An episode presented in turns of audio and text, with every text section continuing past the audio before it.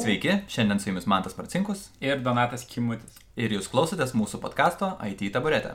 Šiandien mūsų tema yra Agile arba judrusis programų sistemų kūrimas. Trumpai, kas tai, kokie mitai supa išaukštintai Agile ir kaip tai pritaikyti didelėse organizacijose. Ir šiandien ant taburetės sėdi plėtros vadovas Danskė bankė Gedrius Levinskas. Sveiki. Labas. Labas, Gedriu. Tai gal trumpai papasako, kas yra Agile. Kas tai, su kuo valgoma ir kas tai yra, nes žmonės tikriausiai girdi, tos, ne, jeigu klausėt, tikriausiai yra girdėję kažką tokio. Nu, aš gal pabandysiu tokį trumpą padaryti rezumę, kas tai yra, kaip man dabar tai atrodo, kas tai yra.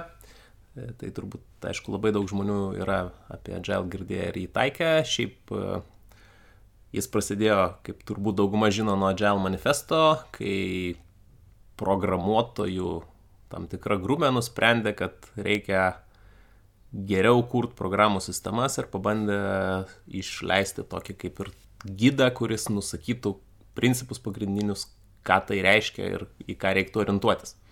Tai čia buvo pati pradžia ir tai pakankamai prigijo, mhm.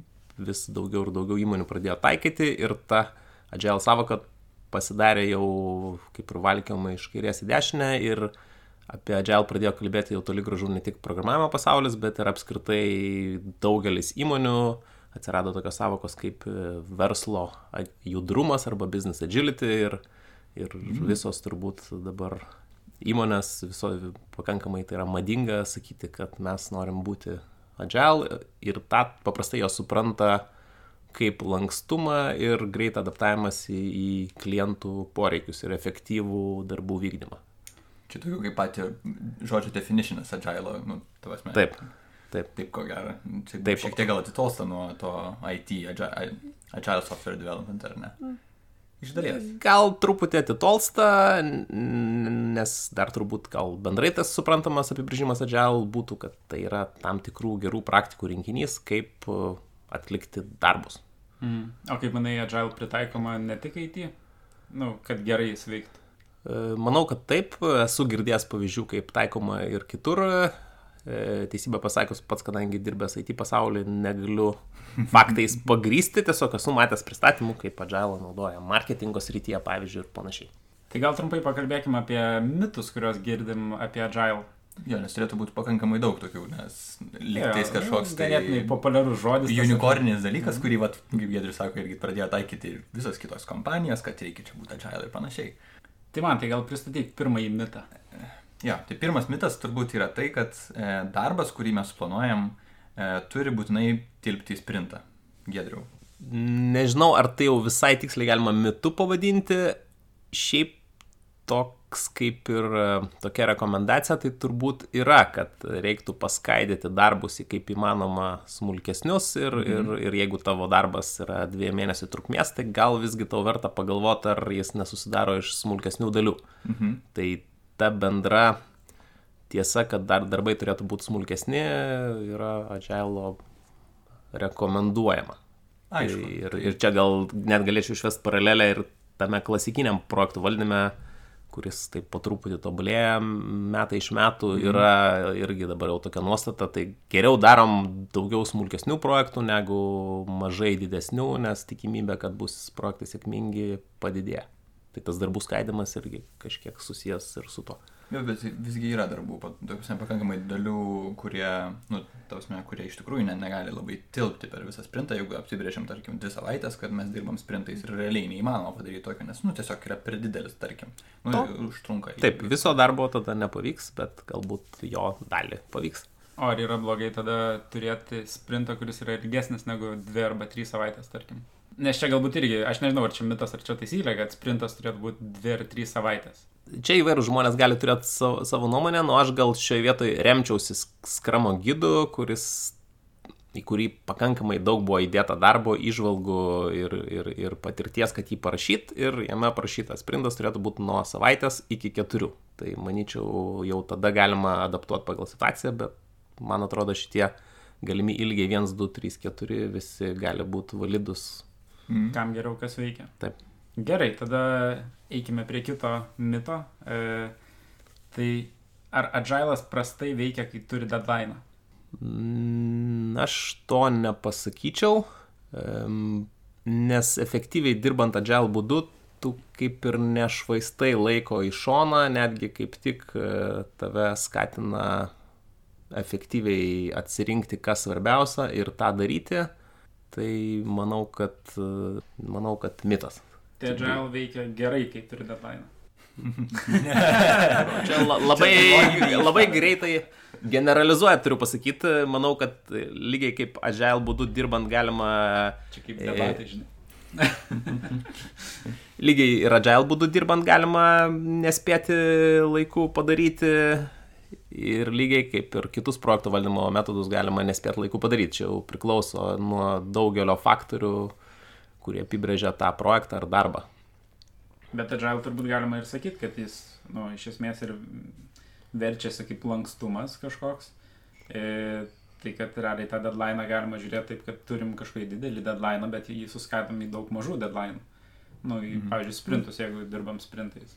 Taip, nu tai tarkim, jeigu yra funkcionalumas, galbūt manoma, kad jį galima padaryti per tris sprintus, tai čia agile būdu tai gali pavykti padaryti, lygiai taip pat klasikiniu būdu galbūt terminas gali būti už trijų sprintų dviejų savaičių ilgio, tai yra už šešių savaičių. Irgi gali pavykti padaryti, jeigu visos sąlygos yra tinkamos, yra komanda, yra aiškus tikslai ir apibrišti darbai.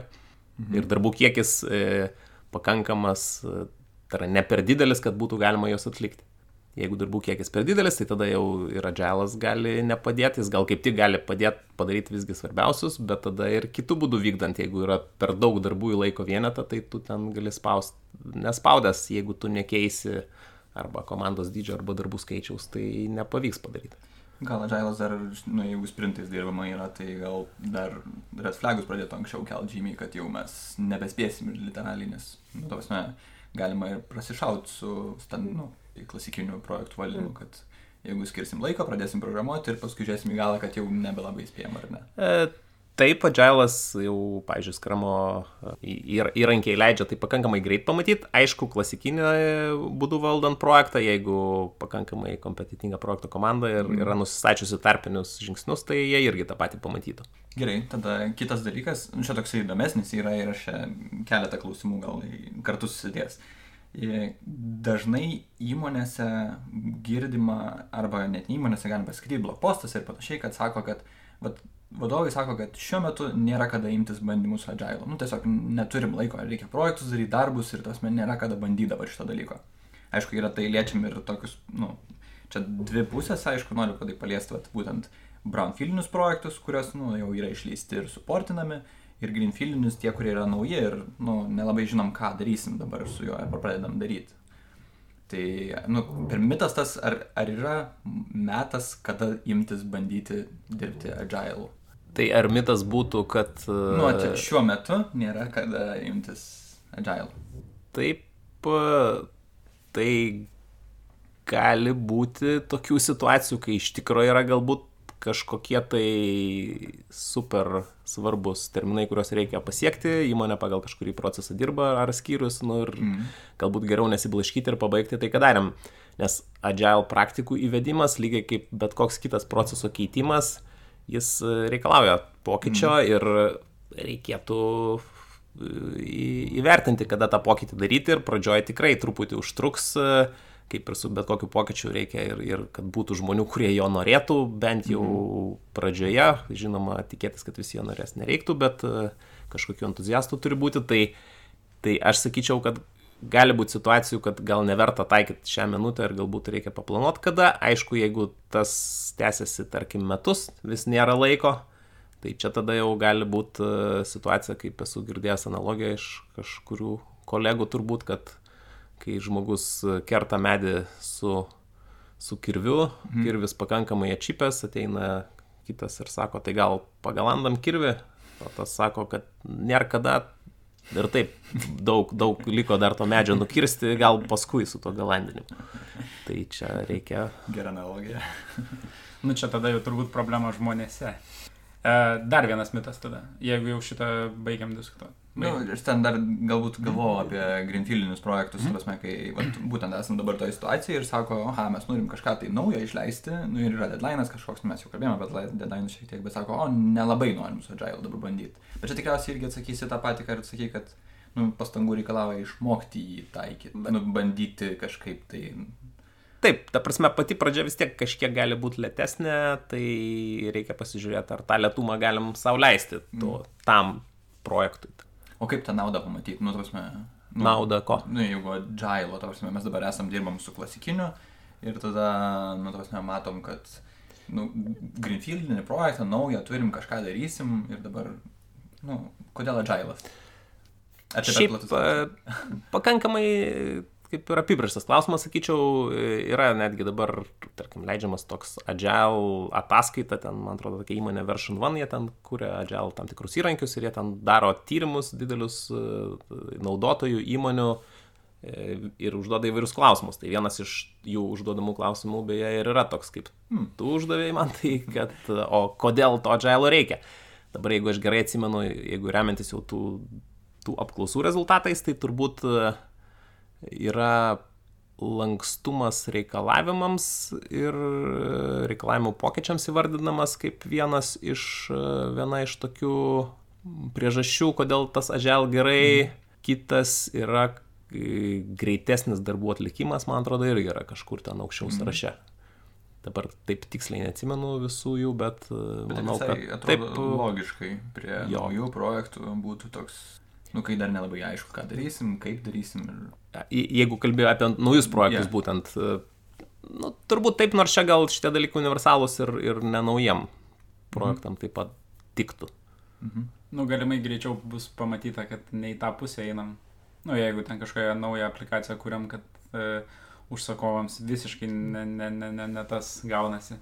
Ja, čia aišku, gal jeigu jau kalbam apie visiškai naujus projektus, tai turbūt daug žmonių cituoja ten tokią knygą Lean Startup, kuri pakankamai populiari buvo ir ten turbūt, ten vėlgi galima gal tai priskirti irgi Agile'ui, nors ten tai tiesiogiai taip nesivadina, bet ten jie, jie pristato tą ciklą, kaip reiktų dėkti naujus funkcionalumus, kaip reiktų patikrinti, ar jie iš viso atnešė kažkokią naudą ir, ir, ir po to remiantis rezultatais jau faktiniais, kas įvyko, kaip buvo tas naujas funkcionalumas įdėktas ir klientai pabandė ar nepabandė jo naudotis, kaip toliau kreipti produkto vystimą.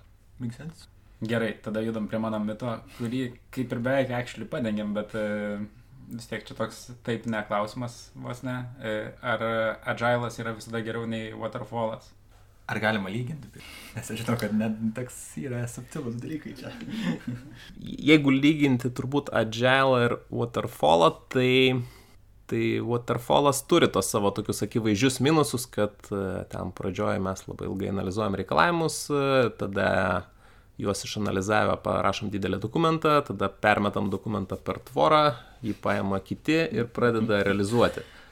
Ir, ir po to tie kiti, tarkim, programuotojai suprogramuoja, permeta į kitą kiemą per tvorą ir tada testuotojai ima testuoti. Tai čia yra nu, pakankamai daug minusų, kadangi tie reikalavimai rašomi vienu įpū, tikriausiai ten bus privelta daug netikslumų, niekas iš pradžių gal iki galo ir nežino, ko nori ir nėra tų galimybių pasitikrinti, ar gerų kelių mes čia pajudėjom. Adželas šioje vietoje leidžia eliminuoti tos trūkumus. Ar yra kažkokių use case'ų, kurie tau dabar galėtų šauti galvą, kada vat, waterfallą būtų geriau naudot nei, nei kad agile? Turbūt gal, turbūt tokias sistemas, kurios reikalauja labai didelio tikslumo, gal kažkas jau man galvoj sukasi ten NATO panašiai. Raketų palydimai. Taip, ten, kur, kur reikia viską iki kiekvienos smulkmenos užrašyti ir po to jau sugebėti viską patikrinti iki galo. Turbūt kažkas tokio. Tai gal tada judam e, toliau. Jo, ir toliau galbūt, nu, mes jau pradėjom čia lyginti ir nežinau, ar buvo galbūt teisinga pradėti nuo to, bet mes jau taip pradėjom daug kalbėti ir žmonėm visgi yra, nu, dažnai būna, kas tas agilas šiaip yra. E, nu, toks net iš tikrųjų. Tai mes jau pasakėm, kad tai yra, nu, manifestas kažkas, tai kažkas pradėjo šnekėti, bet yra kažkokie tikriausiai pagrindiniai dalykiukai, kurie sukrenta. Ar tu gedriu galėtume apibriežti juos? Tai Agile'as turbūt e, yra, taip pavadinkim, gal gerųjų praktikų rinkinys, toks kaip ir įrankių dėžė, gal net galima taip pasakyti. Ir e, visos, visi tie patarimai, rekomendacijos ar įrankiai, jie yra nukreipti taip, kad jie tenkintų tokius kaip ir pagrindinius tikslus organizacijų, kurios atlieka kažkokius tai darbus, nu ir tie tikslai tai yra daryti tai, kas neša vertę klientui. Mhm. Suponuoja, kad nedaryti papildomų veiklų, kurios niekam neneša vertės pridėtinės. E, tai vienas turbūt labai svarbus aspektas. Ir antras, kaip įmanoma padidinti ar net maksimizuoti kolaboravimą tarp turbūt visų, net galima įvardinti taip, tai yra tiek rezultato naudotojų arba suinteresuotų šalių, kurios nori to rezultato, tiek pačios komandos. Tas kolaboravimas kaip įmanoma, kuo jis glaudesnis, tuo yra uh, didesnė tikimybė, kad bus daroma tai, kas yra nešantis vertę dalykas. Ir turbūt dar trečias dalykas, uh, Agilas jis didina skaidrumą tarp visų lygių, tai yra nuo pat žmonių, kurie daro tiesiog dalykus, iki tų pagrindinių, tarkim, vos ne projekto sponsorių, galima pakankamai aiškiai matyti, kur mes esam, kiek išleidom ir, ir, ir kas liko padaryti. Ir tas skaidrumas taip pat įgalina projekto komandą ar produkto kūrimo komandą jausti, kad jie įtakoja rezultatą. Mhm. Ir, ir gaudami tą įgalinimą, jie kaip ir gali padaryti daugiau, negu gaudami kažkokias fragmentuotas instrukcijas, dabar nunešk šitos dešimt pagalių iš taško C į D. Mm. Aišku, labai gerai. Jo, bet aš dabar taip klausau Gedraus, labai e, teoriškai apibrėžiam tą agilą, o realiai jeigu aš esu žmogus, kuris nesu niekada dirbęs su agilu ir ateinu į naują darbą, kur man sako, kad va, čia mes šitam darbė dirbam agilu Tai ką man tai reiškia kaip žmogui? Ką aš ten matysiu kitaip nei prieš tai? Tai čia tada, jeigu taip paprasčiau žiūrint, tai turbūt e, toj vietoj tikriausiai bus taikomi kažkokie tai agile metodai ir populiariausi iš jų turbūt dabar yra Scrum arba Kanban, tai gali būti, kad bus procesas, kuriame bus dirbama pagal vieną iš metodų ir, ir jo, ir tiesiog tie metodai turi savo tam tikras kaip ir taisyklės ir panašiai. Nu čia aš sakau, metodai ten, aišku, gal nenorėčiau ten dabar gilintis mhm. tas mhm. terminologijas, ten žinomas kramas sakoma, kad tai ne metodas, tai yra frameworkas, tai čia gal jūs pasakysit, kaip tai lietuviškai. Karkasas. Karkasas. Taip, tai, tai bet gal dabar to negvildenam, nes čia galime įsivelti tokias akademinės diskusijas. O aš vis tiek noriu vieną klausimą diskusijai galbūt. E, jeigu mes turim organizaciją, iš kurios pusės turėtų ateiti, nu, ne, kaip jūs manot, jeigu noras atsiranda kažkurioje vienoje pusėje arba managemento, arba programuotojų, iš kurios pusės ateis tas noras greičiau? Jeigu, tu, nu, dirba klasikinių projektų, daro klasikinių projektų valdymų ir iš kurios pusės atsiras tas noras padaryti agile. Ar programuotojai pradės kelt, nu, to prasme, ar apatinė grandis, ar viršutinė grandis. Čia klausimas mums abiems su Gedriu. Jo, čia abiem diskusijai, man įdomu, kodėl. Aš irgi galiu atsakyti. Gedriu, kaip manai, iš, kur, iš kurios pusės pirmą atsiras tas poreikis? Šiaip aš sakyčiau, gali ir iš ten, ir iš ten ateiti. Nu, bet pirmą. Nu, tai, čia toks viš, vištos ir kiaušinio klausimas yra šitoje. Tai. Iš vienos pusės tai gali ateiti iš programuotojų, nu, kurie pakankamai domisi, kas vyksta pasaulyje aplinkui ir kaip kiti dirba ir jie tiesiog gali sakyti, o taigi čia daug geresnis darbo metodas, darom taip. Bet lygiai taip pat ir vadovybė gali, kažkas iš vadovų galbūt irgi mato, kaip kažkas daro ką nors kitur ir gali sakyti, mhm. o kodėl mes taip negalėtumėm pabandyti. Tai aš nesiryščiau dabar vienam duoti pliuso, nežinau kaip Donatas. Donatai. Aš išskirčiau, kad man atrodo yra du variantai. E, jeigu kalbam apie labai didelę įmonę, kur galima vadinti enterprise, tai aš manyčiau, kad nei iš tų, nei iš tų, greičiausiai, o iš tų middle žmonių, e, kurie yra kažkur between programuotojų ir vadovų. E, mhm. E, o jeigu mažesnė įmonė, tai manau, kad iš programuotojų. Logiška. Aš manau, sutinku šiaip su Donatu, manau, kad didelė organizacija tikrai iš mido ateitų. Uh, Galbūt ir iš programuotojų ir man atrodo, kad būtų iš pradžių lokalizuota ir paskui pradėtų judėti per visą organizaciją. Nu, tos man gali būti, kad tai riplintų, nes jeigu vienai komandai gerai sekasi ir, nu, tos nesugebėjo kažkaip tai viduje susitvarkyti, kaip sako, agile under waterfall būna tai, toks įdomus dalykas, kur labai stengiasi komanda ir labai nori, bet aplinkui niekas nenori to dalyko daryti, bet kartais taip, nu, padidėja, nu, tos neįšauga. Ir čia turbūt galim pašiftinti į tai, kad, nu, trečią mūsų temą, gal čia taip trečia, nežinau, bet į, į Scale Agile, kaip būna didelėse organizacijoje. Tai, tai kiedriau, kas yra tas scaled agile šiaip? E, taip, tai tie tokie pagrindiniai agile metodai, skramas ir kambanas iš tikrųjų dažnai pirmiausia žmonės galvoja, kaip juos čia pritaikyti savo komandai. Komanda bus ten 5, 7, gal 10, gal ir 12 žmonių, bet e, didelės organizacijos turi daug daugiau žmonių ir tai čia vienu, vienu lygiu aukščiau 10-12 žmonių yra, tarkim, kažkoks padalinys, kuriame yra ten 70 ar 80 žmonių. Tai šioje vietoje yra sukurtų metodų, kaip reiktų dirbti turint didesnį žmonių kiekį. Tie metodai yra tokie kaip SAFE arba LESS. Large Scale Scrum, man atrodo, jis šifruojasi mhm. ir jie apibrėžia, kaip turėtų didesnis padalinys galėtų dirbti agile būdu, sinchronizuodamėsi tarpusavėje. Mhm. Aš dar visiškai neįtama, kadangi paminėjai, e, kokio dydžio manai komanda turėtų būti, kokio dydžio manai komanda optimaliausia darbui, e, o o, o kiek jų būtų per daug? Uh, šiaip, uh, vėlgi, tas pats skramgydas, man atrodo, sako, gal nuo 3 iki 9 žmonių turėtų būti komandoje. Bet tarkim, pamirštam skramgydą iš savo patirties, sakyk. Uh, šiaip dar sakyčiau, kad 10 plus, taip ten 12 gal ar panašiai dar gali dirbti, jeigu, jeigu yra pakankamai apsibrėžia tą darbo procesą, kaip jie tą daro. Turbūt daugiau gal taip ten 15 plus gal ir nelabai esu matęs, kad labai sklandžiai čia dirbtų tokio didžio komanda. Galbūt efektyvinimas jau to, tų procesų stand-upų, sakiau, nu, tų, jeigu skramo komandoje, Tai, nu, grinai, vat, užsiemimų, tada jau menedžinimas turi būti labai aiškus ir griežtesnis daug. Jau kuo daugiau žmonių, tuo griežčiau turėtų būti. Nes nu, tada, kad neužsišnekėtų žmonės ir nepasidarytų stand-upas iš 15 minučių. Aš esu matęs labai neblogą paveiksliuką, kur e, žmonės mėgsta matyti per stand-upus pokalbėt. Tai menedž, menedžeris sugalvoja, kad reikia daryti plankus. Skramas. E, Atsiprašau. E, daryti plankus e, stand-upo metu Tai ir tada, kol visi nepašneka, tol turi plenkinti. Tai tada Labai visus motivuoja pakalbėti greičiau.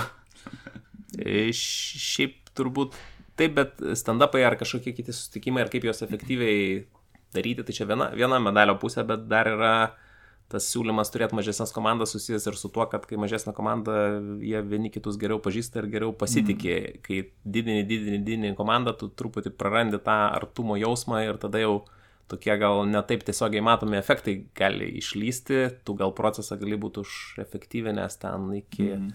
nežinau, maksimalios skalės beveik, bet uh, truputį prarasi galbūt komandos narių bendrumo tokio jausmo galbūt. Ir, ir turbūt vienas dalykas bendrumo, kitas labai svarbus yra tai informacijai daug lengviau pasimest. Nes e, kuo daugiau žmonių, tuo daugiau įvyksta vis tiek kažkokių uh, pasikalbėjimų mažesnėse grupelėse, kurios dirba su kažkuo, kažkokiu funkcionalumu ir tada ta kita grupelė nebegirdi ir atsiranda misalignmentai ir tada daug sunkiau. Taip, tai mes labai stipriai nuklydome. Nu, bet čia...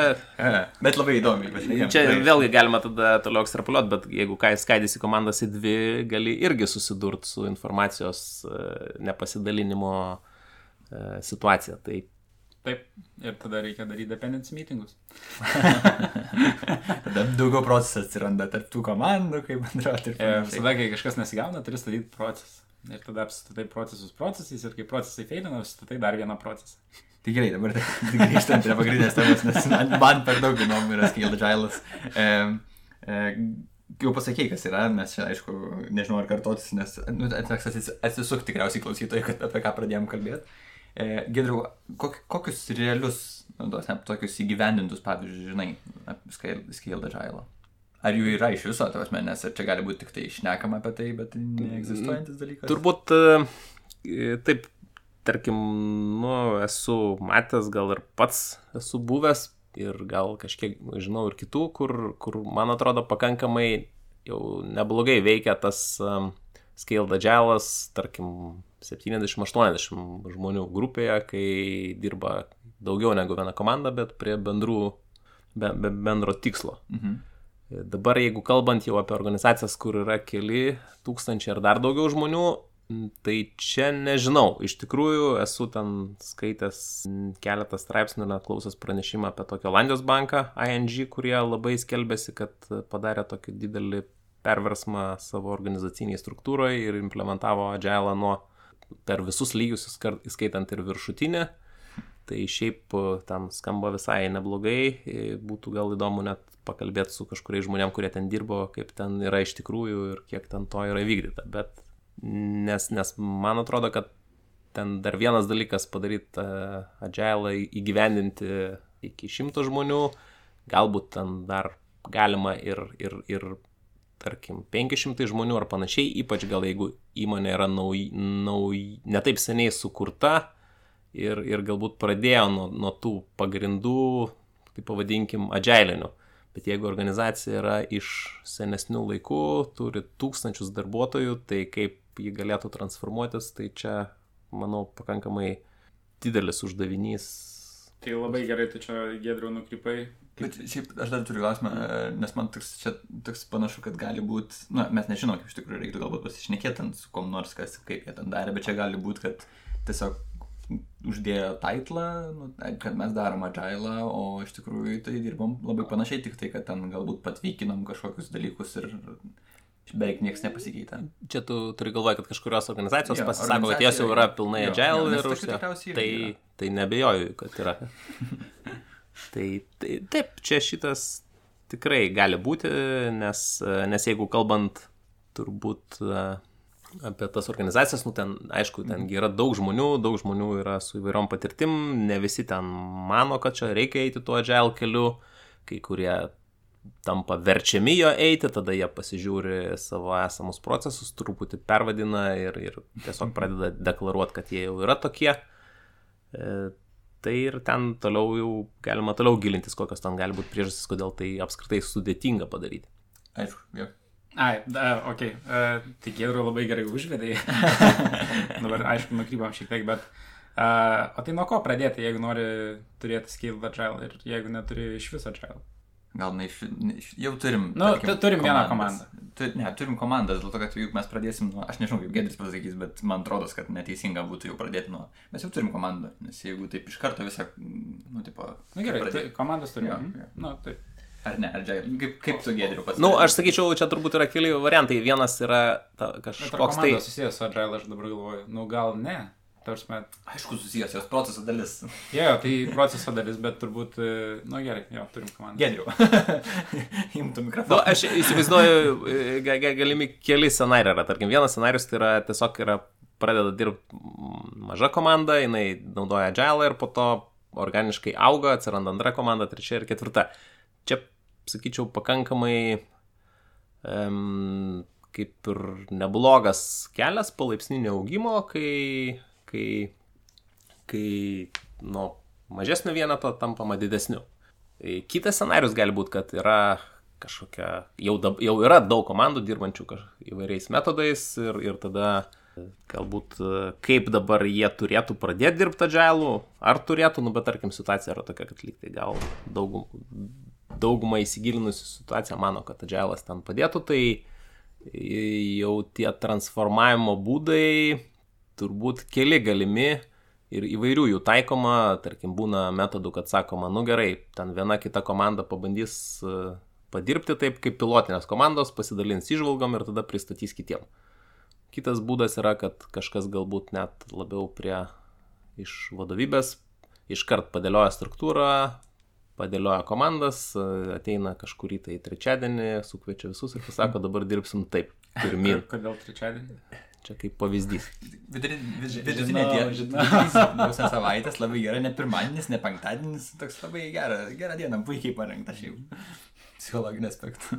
Jo, tai tarkim, čia kitas būdas, gal dar, dar yra kitas būdas, gal paimti kažkokį tai konsultantą ar konsultantus, kurie galbūt turėjo praktikos, kaip tai darosi ir, ir pabandyti juos įtraukti, kad jie suprastų situaciją to padalinio ir galbūt pasiūlytų variantus. E, nu, bet, bet kuriuo iš šitų atveju, aš sakyčiau, nu, vienas iš svarbiausių veiksnių žmonės tuose padaliniuose turėtų būti žmonių, kurie norėtų tą padaryti, matytų, ką jie galėtų išlošti tą padarę, nes jeigu bus e, daugelio žmonių nuomonė, kad, nu, šiaip nematau aš čia naudos ir kodėl mes čia turim daryti, gal mums ir taip gerai sekasi, tai tada, nu, pakankamai sunku padaryti.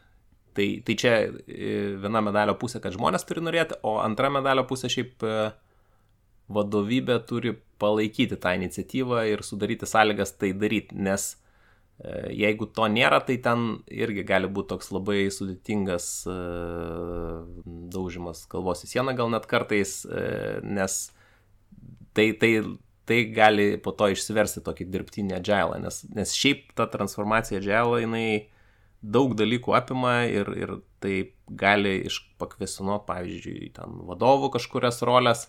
Ir, ir tada klausimas, kaip yra, ar visi žmonės mano, kad po transformacijos jie išloš, o jeigu jie mano, kad neišloš, tai tada jie aišku gali pradėti ją blokuoti ir panašiai. O tai, o tai ką daryti? Nu, tarkim, les tas metodas scaled Scaled Agile, jisai sako, kad e, transformuojantis į, į tokį padalinį, visų pirma, ką reiktų padaryti, reiktų jau iš aukščiausios vadovybės pranešti, kad šiaip e, darbo saugumas yra pirmas prioritetas ir visi turėsit darbo vietas. E, klausimas galbūt kokios rolės.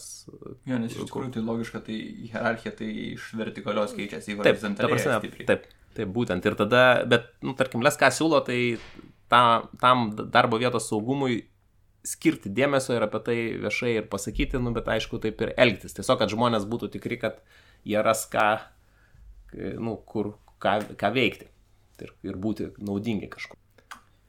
O nežinau, čia gal sunkus klausimas, bet kaip, pavyzdžiui, tada vis tiek spręs tokią problemą, jeigu iš vadovybės e, ateina poreikis dirbti agile, e, bet visi žmonės priešinas. Geras klausimas. Toks.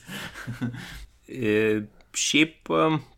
Ar tada reikėtų kažkurio metu įsivertinti ir sakyti, kad neverta, ar, ar bandyti apšviesti, ar... Na, nu, aš sakyčiau taip, kad gal gali būti situacijų, kai iš vadovybės atėjęs sprendimą reikia vis tiek įgyvendinti, nors visi ir tam priešinasi, bet čia labiau yra gal tokie kriziniai atvejai, ten, tarkim, įmonės sudėtingoje situacijoje arba kažką reikia labai greit padaryti, tai tada ten reikia gal pereiti tam tikrą e, autoritarinį kabutėse truputį, bet e, tokį režimą, kur sakoma, ką reikia daryti ir, ir jis kažkiek laiko gali tęstis ir gali būti e, naudingas.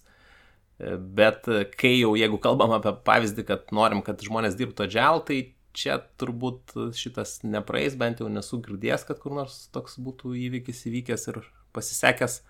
Tai aš sakyčiau, čia reiktų eiti tokiu labiau švietėjišku keliu ir siekti, kad atsirastų tų žmonių, kurie pradėtų matyti, o kodėl tai galėtų būti gerai. Ir nu, tai jau per vieną dieną nepasidaro. Bet čia galimi įvairūs gal metodai, čia su kažkuo galima pakalbėti, kažkas gali kažkur nueiti paklausyti galbūt kaip kito įmonėje dirbama, kažkas gali nueiti kokį nors seminarą ir taip toliau.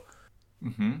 Tai tu pradėjai jau pasakot, man, man pačiam įdomu, aišku, yra apie tą patį lesą, e, tu pradėjai pasakot, kaip, e, kaip vyksta su, nu, kai pereinam iš klasikinio, kokios nors vertikalios hierarchijos į horizontalę ir dėl darbo saugumo ir panašiai, kas dar yra lese, nu, tos, ne, kokios sudedamosios dalis. E, šiaip. E, ar yra kokia nors bendrumo gal su SAFU, nu, Scale Agile Framework, ar nežinau, kaip tau patogiau. Jo, šiaip e, aš su tuo SAFO ar SEIFu iš tikrųjų nes, nesu labai giliai susipažinęs, tai mhm. taip labai smarkiai palyginti negaliu. Apie lesą tai kaip ir esu gal visai susipažinęs, netgi teko būti vienam tokiam, mitapas vadinasi turbūt kaip lietuviškai. Susitikimas. Susitikimas. Vertėjas. į kuriame buvo atvykęs leso kuriejas. Tai mane teisybė pasakius truputį nustebino jo kategoriškumas. Bet, e, nu, jis tokį jį turi, nu, gal ir nėra blogai. Tai... tai ką reiškia kategoriškumas? Ta prasme, nes jau taip, kaip pasakai pavyzdį, su, kad darbo saugumas yra prioritetas, tai netrodo taip pragmatiškas požiūris, ne taip, kad dabar galvos kris mes keičiamės. kategoriškumas gal labiau tuo, kad, kad metodas yra toks, jis yra geras, jį reikia taip taikyti, čia su variacijom neužsižaiskit, taikykit kaip, kaip sakoma. Evangelintiškumas, kaip čia. Evalengiškumas Evangelistas, žodžiu, savo framework evangelistas. Čia kaip agile evangelistai būna. Bet labai. šiaip, jeigu grįžtant, tai, tai to leso yra pakankamai tikrai daug gerų dalykų. Visų pirma, ten, jeigu kalbam apie kažkokį 80 žmonių padalinį, tai, tai sakoma, kad žmonės, tas padalinys turi dirbti prie bendro darbų sąrašo, angliškai backlogo mhm. ir prioritetai turi būti vieningi. Ir tada jau visos komandos, kurios yra tame padalinyje, ima sąrašus pagal, ima darbus pagal prioriteto sąrašą. O kaip komandos pasidalina, nu, tos, kaip, kokios komandos yra tada? Jos dirba prie, nu, horizontaliai, pagal... E, domeną. Nu, dabar kaip... galim čia giliau lysti ir ten galim pakankamai daug diskusijų išgvildenti iš to, nes lesas kaip toks jis sako, kad komandos turi būti, vėlgi angliškai pasakysiu, feature based, tai yra orientuotos į funkcionalumą ir, ir, ir gali padaryti nuo pradžių iki galo tam tikrą funkcionalumą, kuris gali būti išleistas.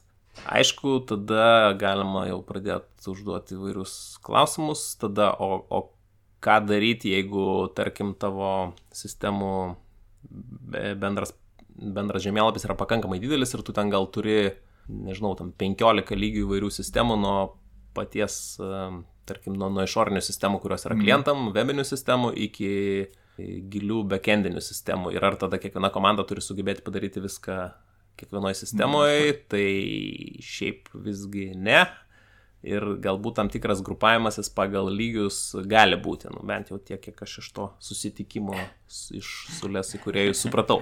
Bet visgi ten yra pakankamai didelis, nu, didelė preferencija feature teamams, lyginant su komponentų komandomis. Ir toks, toks atrodo, kad mažesniem, nu, toks net tada tų lygių pačių turėtų būti daug mažiau, tos, ne, 3-4 kokie maks, nu, nes šiek tiek žmonių iš karto tada krenta Nebent vienai, nu gerai, tarkim, kad developeriai yra full stackai, tai jie gali ten per viską eiti, galbūt taip. Nu, tai full stackai taip, bet klausimas, kiek tu visko, jeigu ten yra ten 12 technologijų, tai turbūt ja, tai... joks full stackas nesims to. ne, nėra tokių unikornų šiaip, nu gal yra viens kitas pasaulyje. o dar kom nors išsiskiria, nu, tuosme, nu, nu, mes dabar jau labai, taip, aišku, lyginamės labai didelį, nu, tuosme, turim projektą ir turim, arba turim produktą, kurį darom ir dabar turim, pasidarom staiga, kur daug komandų įmo iš vieno backlogo. Ar yra kokių nors iššūkių, tavęs mes šitoje vietoje? Iššūkių? Nu, ja, nes aš įsivaizduoju, kad, tau, nu, kad mes turim klasikinį kokį nors, mes turim projektą ir mes ten duodam žmonių ir ten dirba žmonės. Nu, prie jo kažkaip tai. Bet dabar jeigu turim backlogą, kur, prie kurio gali bet kas dirbti, nu, kelios komandos, ten, mm -hmm. tarkim, 20 komandų ir mm -hmm. iššūkis kažkoks tai atsiranda. Nu, tos, kaip komunikacija pradeda veikti šitoje vietoje. Čia klausimas galbūt. E, nu, aš sakyčiau, ten, kad tas vienas backlogas ir jeigu ten tam žmonių kiekiui ten ne tūkstančių, bet 80, tai, tai ten manau, kad visai neblogai ir čia gal tai labiau gal sumažina įvairius uh, nesusikalbėjimus ir duoda mhm. to aiškumo, kad va darom visi pagal vieningą prioritetų sąrašą. Ten iššūkiai galbūt gali atsirasti čia daugiau, jeigu lyginant ten feature komandas ar komponentų komandas, kai, kai pradeda žmonės e, galbūt fokusuotis į tą naują funkcionalumą ir galbūt mažiau dėmesio skiria komponentam. E, tai čia galbūt šitą vietą reikia ieškoti būdų, kaip mm. užtikrinti, kad to, kad to neatsitiktų. Vėlgi tų būdų ir pagal tą patį lesą yra e, tą, tą užtikrinti, kad ir komponentų kokybė laikui bėgant nesuprastėtų. Bet, bet šioje vietoje aš gal tų tokių iššūkių per daug nematau, aš sakyčiau, gal iššūkis gali prasidėti jau dar aukštesniam lygiai, kai jau, jau tu turi ten tūkstančių žmonių, tada kaip mm. tau padalinti tuos, tuos padalinius į geras grupės, po to ar tau nereikia jų kartais pakeisti, nes vėlgi didelės organizacijos jos turi tam tikrus prioritetus.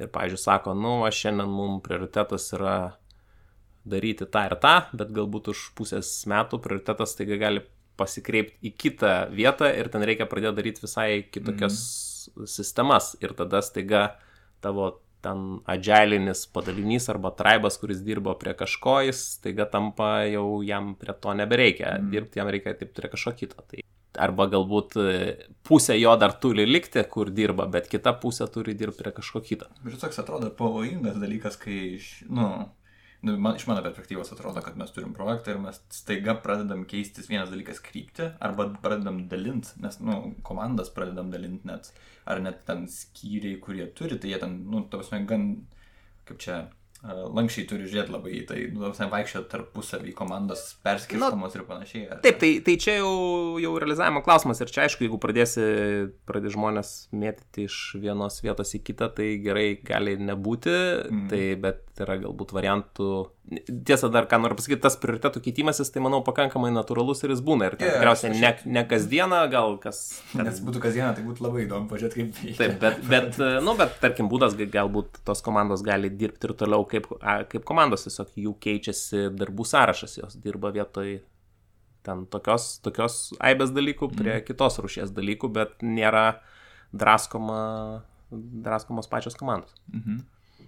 O kaip orkestravimas veikia, nu, tavas jeigu dabar žiūrim į nu, tūkstantinę kompaniją, nebe į 80 žmonių, bet gal, nu, aš nežinau, galbūt vien, pa- panašiai labai, kaip orkestravimas vyksta tarp, e, nu, visų tų, nes, nu, aš įsivaizduoju, kad ten net ir ne tik tai e, vertikaliai dirbam, nu, komanda mm. dirba per visą sistemą, bet ir kelios komandos pradeda integruotis, ar ne?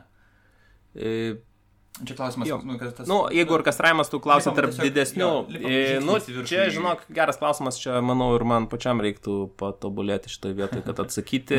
Nuomonė tavo. Jo, nes, tarkim, ten, man atrodo, tas lesas turi savo tą tokią didesnę versiją, kur ten les huge gal vadinasi. Tai ten tam tikri metodai yra, bet šiaip, žinoma, tas sudėtingumas kyla, kai, kai tarkim, vieno, vienas tas padalinys priklauso nuo kito, tai kaip padaryti sklandžiai jų bendravimą, tai, tai kaip ir, manau, pakankamai yra nelengvas uždavinys. Aišku, dabar turbūt daugelį įmonių kaip yra, nu, tiesiog tada ten duodamas kažkoks kaip užsakymas, pavyzdžiui, iš, iš padalinio A į padalinį B, kad padaryk mum šitą funkcionalumą. Nu ir tada tai, tai valdoma kaip kažkoks projektas, kurį atlieka ki- kiti. Mm. E, Žinoma, galimas ir kitas variantas, sakoma, nu mes kartu turim padaryti tam tikrą rezultatą, tai galbūt reikia iš padalinio B komandai dirbti kartu su komanda iš padalinio A. Mm. Va šitas, man atrodo, man irgi kilo mintis, kad visai logiška yra sugretinti tada komandą. Taip, ir tada tiesiog, jeigu jos dirba tuo pačiu metu, jos tada jau apsiberžia to sinchronizavimo taškus. Gaunasi e, realiai viena komanda. Nu, tavas, techn... tokia. Jo, viena, ar, ar, arba galbūt jeigu ten di- didelis skaičiai žmonių, tai gal dvi, bet jos tada, pažiūrėjau, sutarė kaž, kas, ka- kažkiek laiko tai persižiūrėti. Naujas, naujas feature teamas tam sprintui, plan, nu, toksai formuojasi, panašiai, va, net ir logiškai skamba šiek tiek, ar ne? Jo, gali, gali taip turbūt pavadinti. Taip. Tai gerai, e, dar gal paskutinis, paskutinis klausimas jo, e, nebent Gedrius dar ką nors turės pasisakyti. E, ar, nu, sakėm, pavyzdžiui, Scale Agile'am, ar reikalingi mokymai? Tai prasme, iš kur susižinoti informaciją apie tai? Nu, tos, ne, vat, iš kur ta informacija ateina? Nes čia Agile'as, tai tu ten greitai eini pasiskaitai dabar. Arba jau taiko. Tai visi. lygiai taip pat turbūt gali pasiskaityti apie Agile ir yra ir mokymų Agile metodų, tai Mhm. jos gal irgi visai O ar verta. Nu, visai, ar būtinėje, ar... Jo, kaip manai, pažiūrėjau, jeigu žmogus, kuris nelabai daug patirties turi su Agile, nori pradėti vykdyti pas save Agile ir kūruoti tą ir nu, inicijuoti, kaip ir kad kalbėjom, tai būtina nueiti į mokymus ir užtenka skaityti, kas yra informacija internete ir knygose. Nu, šitą klausimą gal galima ir generalizuoti apie mokymus apskritai ir kitiem dalykam, bet jeigu nedarant to, tai, e, tai aš manau galbūt net, e, nu, bet vėlgi ir kitose situacijose taip irgi gali būti, kad gal pradžioje verta pasiskaityti, pabandyti, o po to galbūt ir nueiti mokymus, jau turint tam tikrą bazę pradžios, kas buvo aišku, kas suveikė, nesuveikė ir tada mokymai bus labiau naudingi kažką pabandžius praktiškai. Nu, nes, bet čia turbūt ir su kitais dalykais gali tai galiot, kad tu nueini mokymus, jeigu tu nieko nežinai, tai, tai kažką tau jie atvers, bet tu prarasi tą galimybę pareflektuoti savo patirtį, ką tu iš jos gavai su tuo, ką tau dėsto mokymus. Mhm. Bet šiaip bendrai paėmus, tai aš kaip ir už mokymus galbūt reiktų tik tą laiko momentą nustatyti, kada eiti. Šiaip geras geras patarimas, nu, dabar logiška, kad per, pa- jau turėdamas šiek tiek patirties jau galėtum biški reflektuoti labai labai geras, iš tikrųjų. Čia šiaip bet kam, tarsi šiaip bendrai, bendras. Ir, ir, ir sišarpui? Šarpai? Tai Ja, aišku. tai aišku. aišku. Čia visokiem gabumam praktiškai, bet kokiem sugebėjimam šitas dalykas tikriausiai tinka. E, Ar dar ko nors nepalėtėm? Kažką tai Gedriu gal pats turi mintysę, kas... Gal, gal palinkėjimą mūsų klausytojams. e, Nu, nepalėtėm gal ir turbūt ne taip mažai ko, bet, bet nemažai gal ir palėtėm man atrodo, kai kurias vietas ten galima ir eiti giliau. O klausytojam, tai nežinau, Vytautas čia sakydavo, kad trys klausytojai gal du, padaug. Sakė du, pradžioje du. Bet aš klausiau šiaip, tai tada gal vienas jau be manęs, ar Kadangi tu šičia. Man atrodo, Vytautas pats klausė paskui. Nu, bet tikiuosi, gal jų padaugėjo šiek tiek jau. Padaugėjo, biškai daugiau yra. Jo, tai aš gal e, palinkėti norėčiau tik, kad e, kaip ir netraktuota dželo kaip va- vaisto nuo visų lygų, o pasistengti domėtis galbūt kodėl, kodėl jis toks kaip atsiradęs ir kas iš tikrųjų jame yra vertingo ir kas galbūt jūsų situacijoje galėtų padėti. Tai gal net perfrazavus linkėjimą, gal labiau būtų linkėjimas toks, kad nesustoti vietoje ir žiūrėti, kaip, kaip ką darom dabar ir kurioje vietoje galbūt galėtumėm būti geresni. Cool. E, Jeigu šiaip daugiau kas nors norės, e, nu, tos nesužinoti apie Agile, tai galite parašyti Facebook'e, mums komentarą, mes pabandysim atsakyti, arba gal net ir padaryti podcastą. Duosim Gedriaus telefono numerį ir namų Naktį tegul skambina. Giedrius Giedrius atsibūdęs garantuoja atsakysi klausimus susijusius su Agile. Tai gal užteks Facebook'o. Tai gerai, ačiū Giedriu už įdomų pokalbį, už pristatymą, už insights ir panašiai. Ačiū Jums.